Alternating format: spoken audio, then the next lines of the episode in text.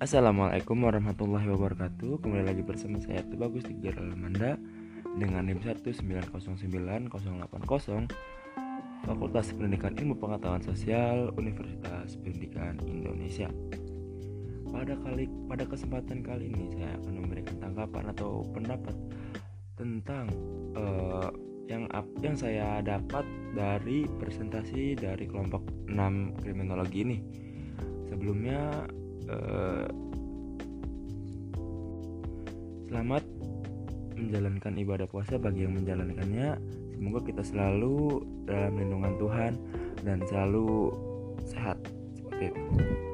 Baik, uh, langsung saja ke pendapat mengenai apa yang saya dapat dari presentasi kelompok 6 ini. Kejahatan merupakan tingkah laku atau perbuatan jahat yang tiap-tiap orang dapat merasakannya, bahwa itu jahat. Perbuatan tersebut dapat merugikan orang lain secara moral maupun material. Kejahatan dapat timbul disebabkan karakter manusia yang melakukan kejahatan, kemiskinan, kesempatan, dan faktor lain yang membuka peluang seseorang untuk berbuat jahat, seperti tingkat pendidikan, pendapatan per kapita, keadaan lingkungan, kepadatan penduduk, nilai harta penduduk dan ketimpangan. Kejahatan menurut pandangan para pakar kriminologi secara umum berarti perilaku manusia yang melanggar norma hukum pidana atau kejahatan atau kriminal law yang merugikan, meninggalkan, menimbulkan korban, sehingga tidak dapat dibiarkan begitu saja. Contoh salah satu kejahatan adalah tindakan terorisme.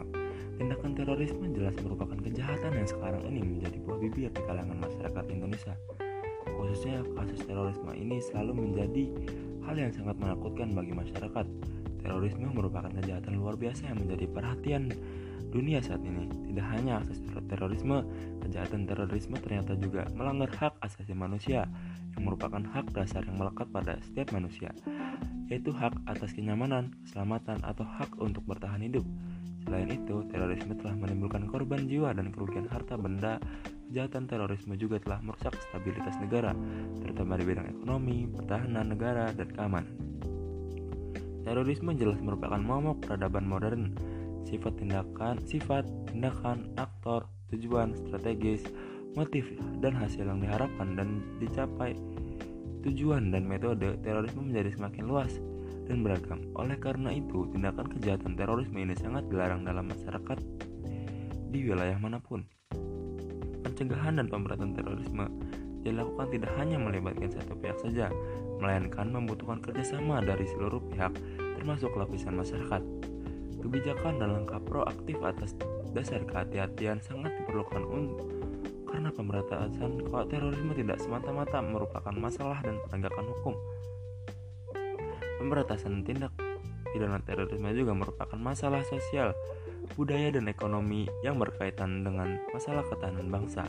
Selain itu juga, kebijakan dan langkah pemberantasan terorisme juga ditujukan untuk memelihara keseimbangan dalam kewajiban melindungi kedaulatan negara hak asasi korban dan saksi, serta hak asasi tersangka atau terdakwa kasus terorisme. Untuk menyikapi berbagai peristiwa serangan terorisme yang terjadi di Indonesia, kekhawatiran di kalangan masyarakat Indonesia, maka pemerintah telah mengambil langkah-langkah yang strategis dalam menanggulangi tindakan terorisme antara lain dengan dikeluarkannya peraturan pemerintah pengganti undang-undang nomor 1 tahun 2002 tentang pemberantasan tindak pidana terorisme dan aturan lainnya terkait tindak kejahatan terorisme. Namun, tidak hanya pemerintah saja yang harus mencegah dan memberantas terorisme semua, masyarakat juga harus berpartisipasi aktif dalam menjaga keamanan dalam kaitannya dengan kasus terorisme. Karena banyak sekali kasus-kasus terorisme yang ketika ada kejadian warga sekitar pelaku kurang mengetahui terkait pelaku teror tersebut. Maka dari itu, diharapkan masyarakat dapat lebih mengenal tetangga sekitar walaupun tidak secara keseluruhan. Interaksi dan pemahaman masyarakat merupakan kunci pencegahan tindak pidana kejahatan terorisme. Mungkin cukup sekian yang bisa saya sampaikan saya atau saya paparkan terhadap apa yang bisa saya ambil dari kelompok 6. Kurang lebihnya mohon maaf. Wabillahi taufiq wal hidayah. Wassalamualaikum warahmatullahi wabarakatuh.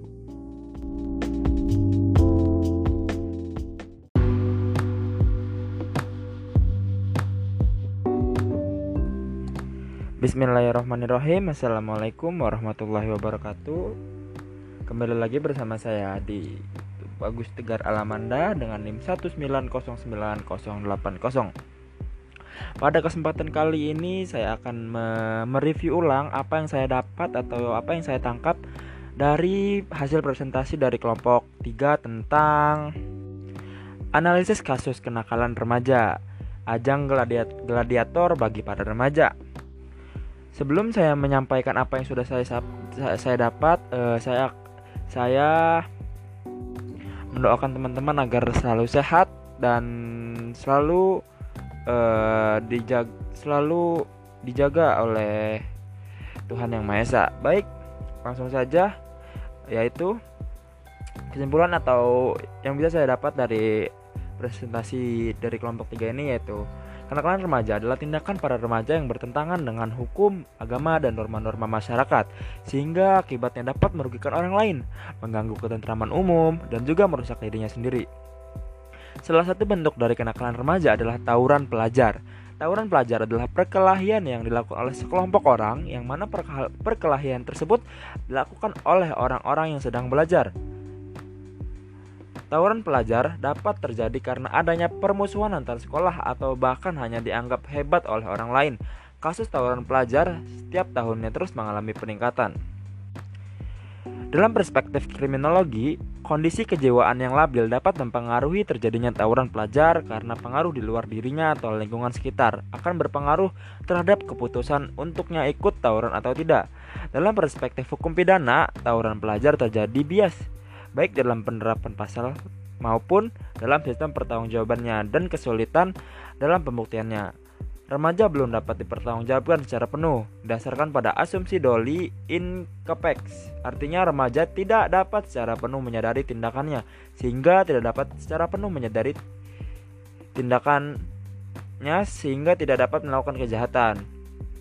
Di Indonesia Masalah kenakalan remaja juga telah menjadi perhatian dan pembahasan yang sangat serius. Antisipasi kenakalan remaja memerlukan pemahaman yang mendalam dan kemudian dapat melahirkan pemikiran alternatif sebagai upaya bagaimana penanggulangannya. Kemudian, kenakalan remaja yang marak terjadi, khususnya tawuran pelajar, tidak boleh dianggap remeh karena di dalamnya melibatkan para remaja yang merupakan aset masa, masa depan bangsa ini. Banyak korban yang telah berjatuhan, baik korban luka maupun korban jiwa, akibat tawuran pelajar ini, sehingga perlu adanya perhatian khusus dari seluruh elemen seperti keluarga, sekolah, maupun pemerintah dalam menekan kasus tawuran pelajar ini. Kemudian saya juga ingin menambahkan sedikit tentang cara menanggulangi atau mengatasi tawuran antar pelajar ini. Tawuran antar pelajar adalah salah satu potret kegagalan masyarakat dalam mendidik generasi muda. Aksi yang biasanya hanya dipicu masalah sepele itu bisa menjadi indikasi penurunan kualitas peradaban. Untuk itu, ada beberapa solusi yang bisa dipertimbangkan. Di antaranya, kerjasama antara sekolah dan orang tua murid dalam berkomitmen mengajarkan etika, budi pekerti di dalam dan di luar kelas kepada para siswanya, sekaligus mengajarkan pengendalian diri. Yang kedua, pengontrolan dan pengawasan pergaulan terhadap para siswa plus dibantu oleh orang tua murid juga mendorong pelajar untuk menghindari lingkungan atau pertemanan yang tidak bermanfaat. Kemudian yang ketiga, mendorong siswa terlibat dalam kegiatan positif yang dapat menunjang masa depannya.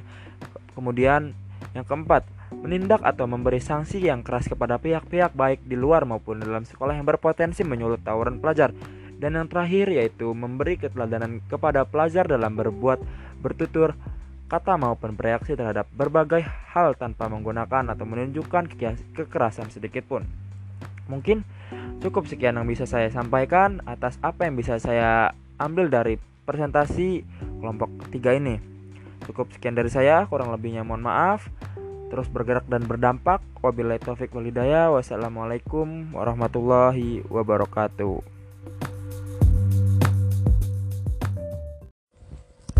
Assalamualaikum warahmatullahi wabarakatuh. E, Perkenalkan nama saya itu Bagus Tegara Lamanda dengan NIM 1909080 Pada kesempatan kali ini saya akan mengulas ulang tentang pemaparan materi dari kelompok 7 dan kelompok 1 Baik sebelumnya e,